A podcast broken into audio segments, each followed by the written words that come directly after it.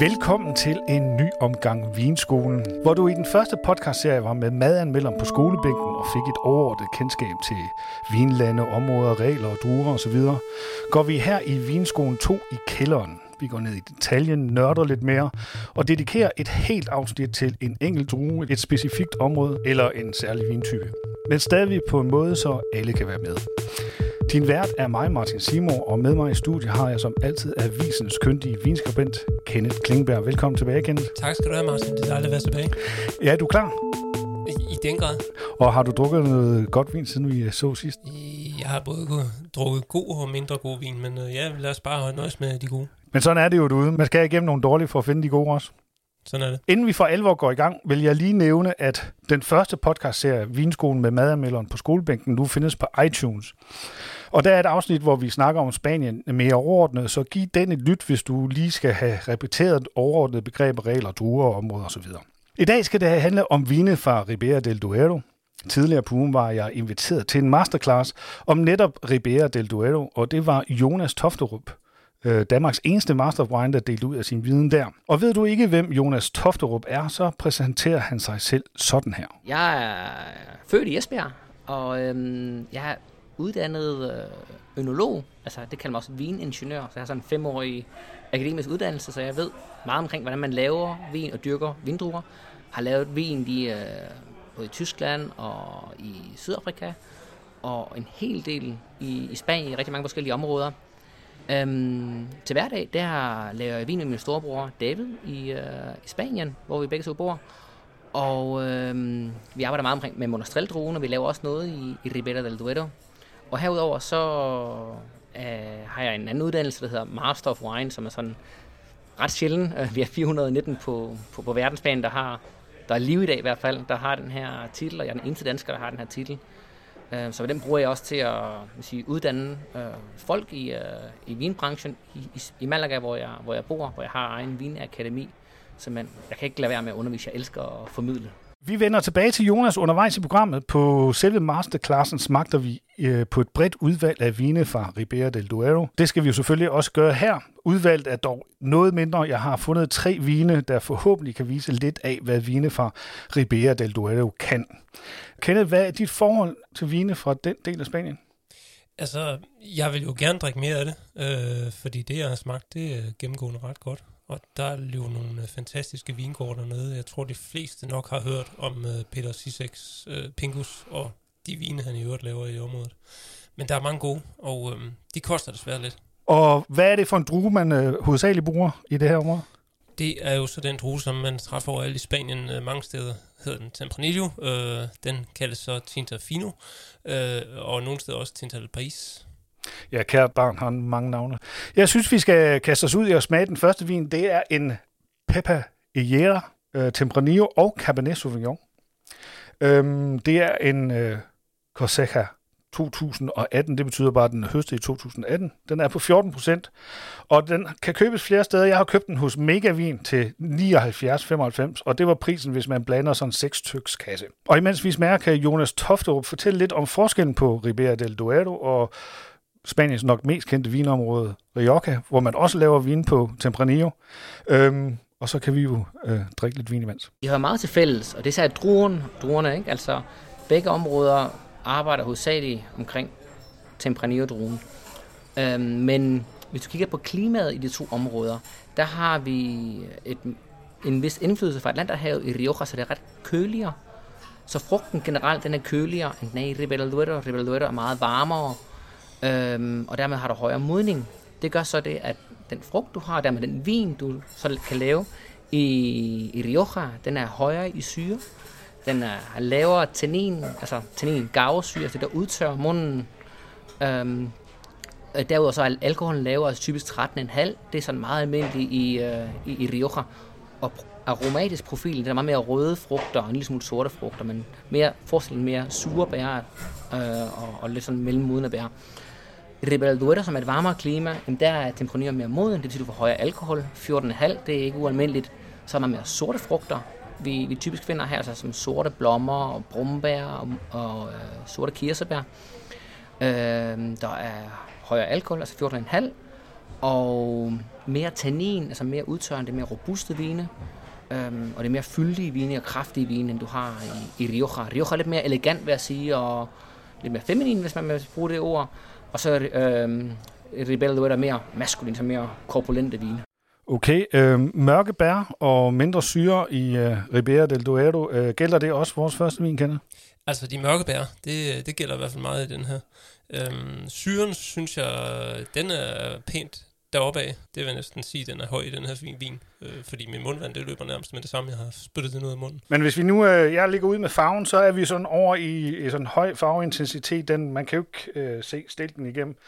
Øh, vi er over i sådan meget mørk rubin, grænsende til lidt lilla måske i kanten. Øhm, hvad fanger du i næsen? Det er de her mørke bær. Øh, brumbær, øh, måske nogle øh, hvad hedder det, blåbær. Øh, så var jeg så heldig at være på Bornholm i sommer og smagte øh, for første gang også morbær.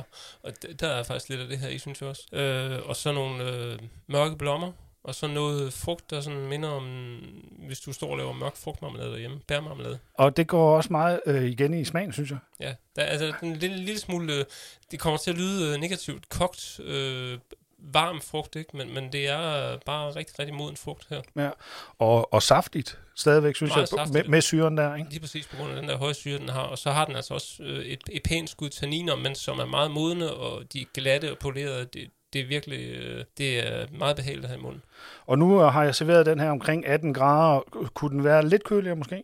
Ja, det kunne den sagtens for min skyld. Ja. Uh, ikke mindst fordi, når man får sådan en vin i glasset, det her vin, man typisk vil drikke til noget, til noget mad, øhm, og der står den jo på bordet og bliver hurtigt varm, så jeg vil sige, hælde den op måske ved 15 graders varme, så bliver den jo hurtigt en 17 grader. Og hvad skal vi have på tallerkenen? Noget iberico-gris? Øh, jeg vil nok sige noget stækkød af en eller anden art. Ja. Øh, og så hælder jeg måske mere mod okse, end jeg hælder mod gris, men det er jo smag og behag. Hvad synes du om vinen? Sådan helt generelt? Jeg synes, den smager godt, den hænger godt sammen. Øh, ja, den er, godt, den er godt lavet, ikke? Den er godt lavet. Den har de elementer, der skal til. Der er lækker moden frugt, masser af det. Der er en god syre, der giver saftighed. Der er tanniner, som er modne og polerede, og en pæn længde i smagen er der også. Øh, det synes jeg egentlig er meget godt skruet sammen. Og til en pris på Ja, det var så 79,95, men hvis man køber 6, så er det 75,95. Ja, det er sådan ligegyldigt, hvilken pris du nævner der, vil jeg sige. De, de to priser der, det er, det er altså godt ramt. Hvis vi nu skal sætte stjerner på, hvor, hvor er vi henne? Altså, på en skala op til 6 stjerner, der vil jeg sige, der ligger nok på en lille femmer her. Altså en udmærket start på uh, turen til Ribera del Duero. Uh, bag på etiketten står der her uh, Cosecha, og det betyder høst. Øh, men når det står på bagetiketten, betyder det, at vinen er læret efter, hvad vinbunden synes. Men det skal stå foran, eller det skal stå på etiketten, hvor lang tid den er lavet, og her står der så roble, det betyder, at den har ligget på 1, og så 6 meses, som er 6 måneder. Så den har ligget på 6 måneder på E. Og der var jo egentlig ikke helt så meget fad i den i virkeligheden. Det synes jeg ikke, nej, men der står selvfølgelig ikke noget om, hvorvidt det er så ny E, den ligger på. Nej. Det kan jo være brugte fad. Du lytter til Vinskolen Vi går i kælderen, og i dette afsnit har vi fokus på vine fra Ribera del Duero. Vinmarkerne i Ribera del Duero ligger på en højslette, en såkaldt meseta. For det meste 750-58 meter over havets overflade, men også helt op til 1100 meter. Der er stor temperaturforskelle på dag og nat, og klimaet er ret barsk. De lokale har et øh, ordsprog, et udtryk for, hvor hårdt klimaet er. Og her vil jeg lige give ord til Jonas Tofterup igen. Man siger lokalt, ikke? Altså, øh, uh, ej, nueve meses de invierno y tres de infierno.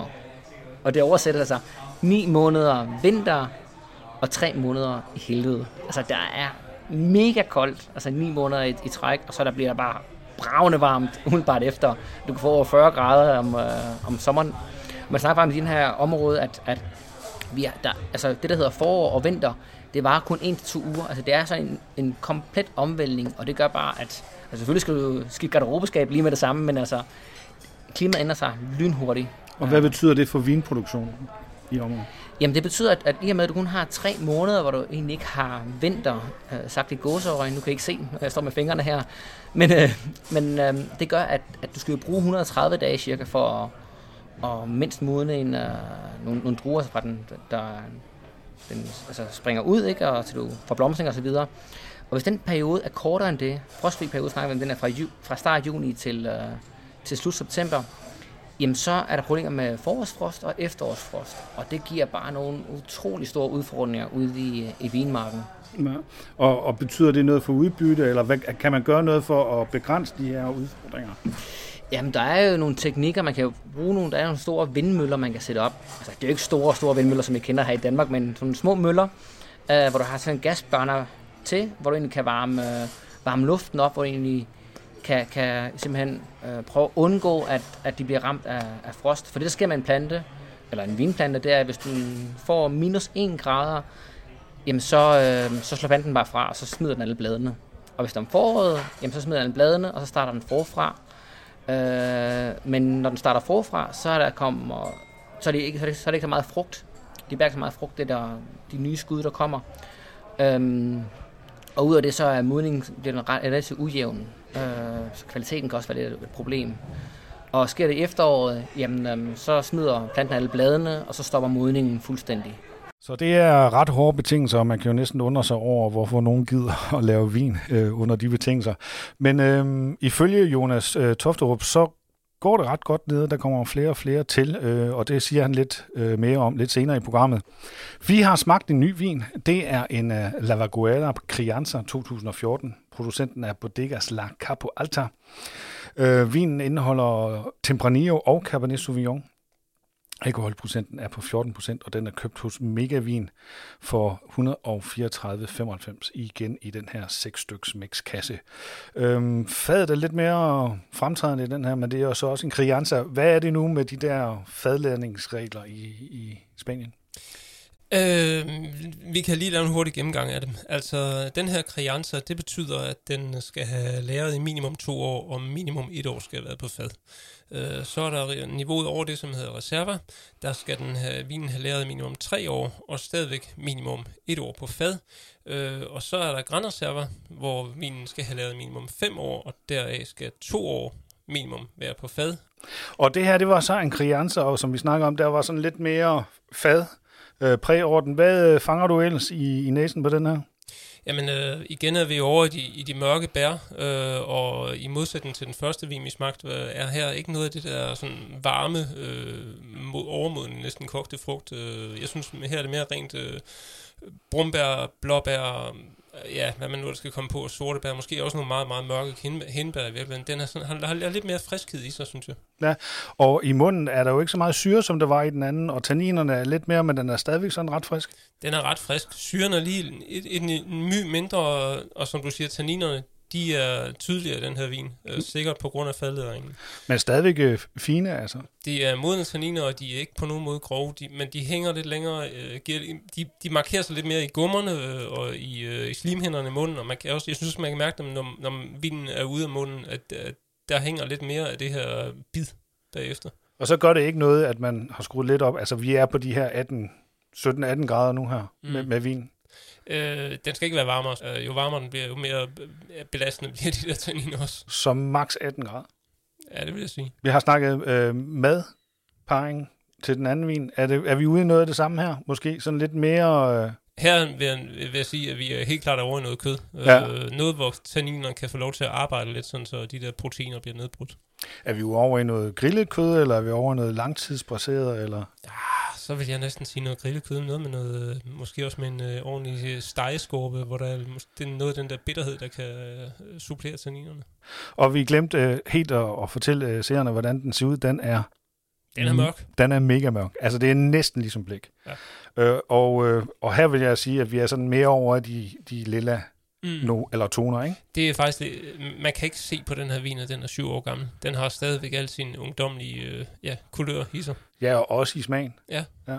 Og du snakkede noget om, altså mens vi, vi smagte på den, at, at den sagtens kunne ligge et stykke tid. Ja, jeg tænker sagtens, man kunne lægge den her vin i kælderen i 10 år, og så vil man få en vin ud af det, som forhåbentlig, formentlig, havde udviklet nogle mere af de her, det vi kalder tertiære noter, altså nogle mere øh, læringsprægede øh, dufte og smage. Som, noget som leder og tobak. Leder, øh, svampe, skovbund, øh, den type der. Den type. En vurdering, kendt? Jeg er måske lidt generøs i det, men jeg vil sige, jeg er også på en lille femmer her, fordi jeg synes faktisk, det er ret godt lavet, og især med tanke på, at den kan ligge og blive bedre. Den næste vin, vi, vi skal smage, har også fået noget fad, men hvor den, vi lige har smagt, har både fået amerikansk og franske fad, så har den næste her kun fået fransk fad. Og det er sådan i Spanien, at fadene skal have en øh, vis størrelse. De skal være på 330 liter. Som maksimum, de kan godt være mindre, men de må ikke være større. Den her, den har ligget i 28 måneder og udelukkende på franske fad, som sagt. Øhm, og mens vi dykker ned i den, så kan Jonas Tofterup fortælle lidt om udviklingen og fremtidsperspektiverne i Ribera del Duero. Der er sket en bravende udvikling. Altså, Ribera del Duero er jo en af de relativt nyere områder i Spanien. På trods af, at vi måske har en... Vi ser det Ribera del Duero som en meget veletableret, men det blev først etableret i 1982, i sammenligning til Rioja, som blev etableret i 1932, altså 50 år før. Og i 82 i Ribera del Duero var der kun 9 eller 8 vinproducenter. I dag har vi over 300, altså på under 30 år har du simpelthen en, øh, ja, en 30-dobling af antal producenter. Og produktionen, nu kan jeg ikke se på statistikkerne til, helt tilbage fra 82, men i hvert fald fra 91 blev produceret omkring øh, 10 millioner flasker, og i dag er det omkring 90 millioner flasker, så en 10-dobling på de sidste 20 år i form af det vin, der bliver solgt ud. Og det er jo helt unikt tilfælde, og det er jo, det er jo rigtig storartet. Jo, det er jo en populær stil, og de gør det altså bare godt. Altså, det må vi jo bare erkende, ikke? Mm. Og er der nogen udvikling i den måde, man laver vinen på? Altså går man... Øh, du snakker lidt omkring det her med, at man, man, man, man laver lidt mindre fadpræget vine øh, i dag. Ja, hvad kan man sige? Spanien, det er jo et ret øh, traditionelt land. I kender måske de der øh, etiketter, hvor der står Crianza, Reserva, Gran Reserva på etiketterne. Og det, øh, altså, set udefra, så det, kunne det godt se ud som om, at det er kvalitetsbetegnelser, de her. Men i bund og grund, lovgivningsmæssigt, siger det ikke noget om kvaliteten. Det siger noget omkring, hvor lang tid vin har været lagret på fadet. Det vil sige, at du kan godt have en relativt useriøs producent, som, som bare lærer det lang tid på fadet og skriver Grand Reserva, og så kan du have en super seriøs producent, der virkelig tager de bedste druer, lærer det relativt kort tid på fadet, og bevarer frugten og stilen, og skriver bare Crianza på etiketten. Og så går han ud til markedet og prøver at sælge den her vin her, hvor der står Crianza på, og så siger forbrugeren eller indkøberen, hov, hov, men jeg kan købe en grænreserve langt billigere. Hvorfor er du så dyr? Og det er jo, det er jo et problem for, for industrien, og det er et problem for producenten, der gør det. Så du har rigtig mange af de unge og moderne producenter, der egentlig trodser den her gamle, traditionelle måde at etiketere vinene på, og siger, prøv at høre her, jeg er ligeglad med, hvor lang tid den har været på fad. Jeg kan godt være, at jeg lærte den fad i 20 måneder, men jeg kalder den stadig bare hoven, altså det betyder ung ikke skriver Crianza eller Reserva på etiketten, fordi jeg vil ikke sammenlignes med ham, den useriøse producent, som egentlig bare lærer noget, nogle dårlige druer på, øh, på fad i lang tid. Du lytter til Vinskolen Vi går i kælderen, og du har netop hørt øh, Master of Wine Jonas Toftrup fortælle om udvikling i Ribera del Duero, og den går vist kun en vej, og det er frem. I mellemtiden har vi smagt øh, rundt den sidste vin. Faktisk er det den næst sidste, for jeg har en lille overraskelse med, men mere om det om lidt. Øh, vin, vi har smagt, er en Petit Vega, øh, 28 messes, det vil sige, at den har ligget på fad i 28 måneder. Det er 100% Tempranillo, og vinen holder 14% alkohol. Øh, den er købt hos Megavin til 204 kroner, hvis man laver den der, får den der mixkasse rabat. Ifølge produktbeskrivelsen på den her er stokken 50 år gammel, og de ligger faktisk i 900 meters højde. Er det noget, vi kan smage i vinen, Kent? øhm, I så fald, så skal det være i form af, at øh, frugten måske er knap så dyb og gennemtrængende her. Øh, vinen her er jo øh, ikke sådan helt så, hvad skal man sige, mørk, hverken i, i duft eller i smag, øh, som de, den forrige vi fik. Og øh, jeg synes, den, den virker egentlig, den er meget godt, den er sådan meget harmonisk, øh, syre og tanniner føles godt ad. Men jeg kunne godt tænke mig lidt mere dybde i frugten, øh, både i smagen øh, og måske især i, i eftersmagen, hvor, hvor jeg synes, den forsvinder lidt hurtigt. Ja, den er lidt kort. Ja. Og, og, og i næsen, hvad, hvad siger vi der? Er vi, vi er ude i, i mørke bær jo igen. Ja, altså de mørke bær her, synes jeg måske, jeg kan fornemme lidt hyldebær også. Øhm, og så er fadet sådan forholdsvis der er, der, det, det er sådan søde noter. Øh, lidt kryddernoter? Også lidt krydder, lidt, lidt nellike, og nu siger du godt nok, det er franske fad. Jeg synes altså, jeg fornemmer noget kokos her, som ellers typisk peger hen i retning af amerikanske fad. Men det, det er en forholdsvis sød øh, duft. Og jeg synes jo, lige når man fik den i munden, der var den sådan ret fløjsblød, og så tager de her tanniner over, og syren ligesom bal- balanceret ud. Men som vi snakker om, altså, den forsvinder ret hurtigt. Den, den, Og den, vi mangler, vi mangler noget sådan noget fylde. den, den mangler den der krop, som i hvert fald øh, vinen, vi smagte lige før, Ja. øh, havde, tydeligvis havde. Og nu er det så også rent Tempranillo, det her. Det Ja. kan selvfølgelig noget at sige. Madmæssigt er vi jo nok ude i det samme med noget, noget oksekød. Ja, øh, og så fordi frugten ikke er så stor, og man måske har, har mere, øh, man får mere indtryk af syren og tanninerne, så vil jeg sige, det må også gerne være noget, som, som, hvor, hvor vinen kan bruges til at skære igennem. Så jeg kunne også egentlig godt forestille mig en eller anden pastaret med en fed sovs, hvor den her lige kunne skære igennem alt det fede. Vi skal jo til en vurdering også. Her er vi jo oppe i det der leje, hvor det begynder at gøre lidt ondt i pengepunkten. Det er nemlig det. Så d- ja, altså... Jeg tror, der må jeg nok, hvis jeg skal være gavmild, så vil jeg sige fire små stjerner, ellers så tror jeg, jeg hopper ned på tre faktisk. Sådan. Det føles godt at være i gang igen, og inden vi slutter, skal vi jo lige have det her ekstra lille indslag, fordi kender jeg har nemlig besluttet, at vi vil slutte hver afsnit af med en lille blindsmænding, hvor vi udfordrer hinanden. Jeg har tænkt det som en lille konkurrence, hvor vi får point for hvert rigtigt gæt, således at hvis man gætter landet, så får man et point. Hvis man gætter region, så får man to point. Gætter man underregion eller distrikt, så får man tre point. Gætter man hoveddruen, fordi der er jo nogle gange nogle blandinger, så får man tre point.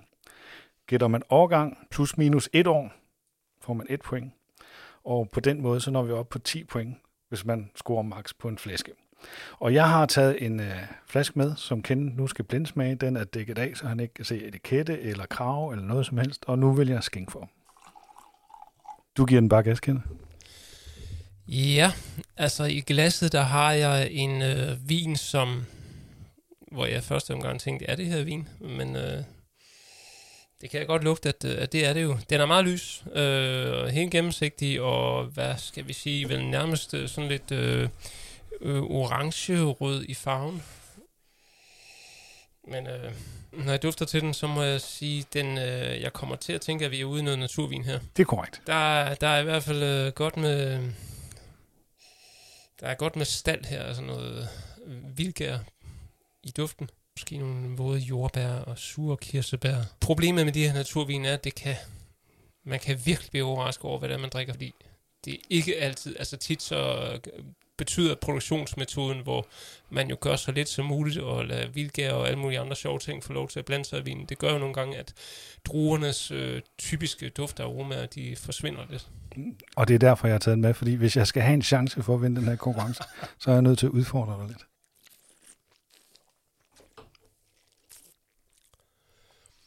Ja. Den har, har ty- tydelige tanniner. Øhm, de er ikke grove, men de er helt klart til stede. Frugt, igen sådan lidt, lidt øh, våde, lidt syrlige jordbær og kirsebær. Mm, måske lidt reps. Det kunne, det kunne godt minde mig lidt om noget Gamay eller Pinot-baseret fransk. Hvad synes du om den? Jeg kan faktisk meget godt lide den. Den, øh, den, den, den der landlige duft, den har, øh, er, er slet ikke så øh, dominerende i smagen. Øh, der er ikke noget øh, vildgær eller andre mærkelige mikroorganismer, der er inde herover og, og, og ødelægge smagen. Øh, den smager frist. Øh, den har også en del tanniner og en, en lille pæn syre, der gør det. Og så har den en, en god rød frugt, som øh, gør, at det trænger godt igennem. Der er sødme i frugten. Men vi skal jo til det, Kenneth. Vi er Ja. nødt til at tage en øh, Ja. beslutning, Ja. fordi at folk skal jo også på arbejde.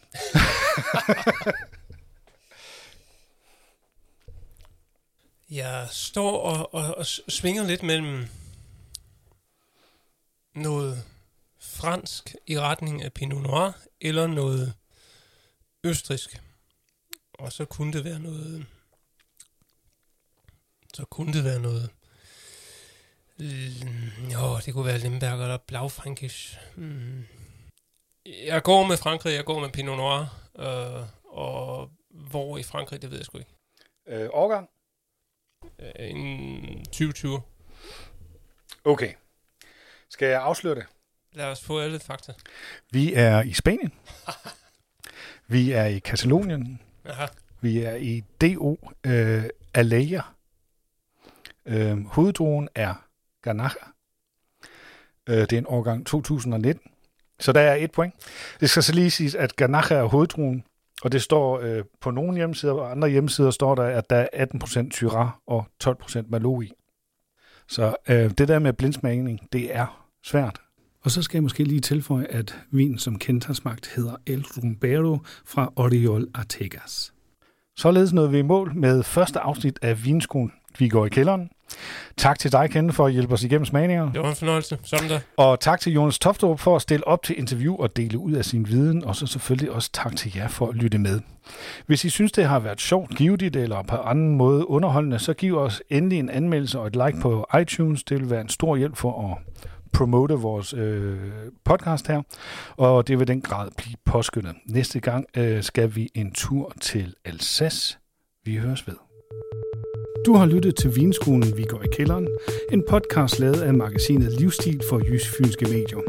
Alle vine i dette program er købt og betalt af Jysk Fynske Medier. Har du ris, ros eller spørgsmål, eller bare gode forslag til temaer, vi kan tage op her i programmet, kan du sende dem til mailen maes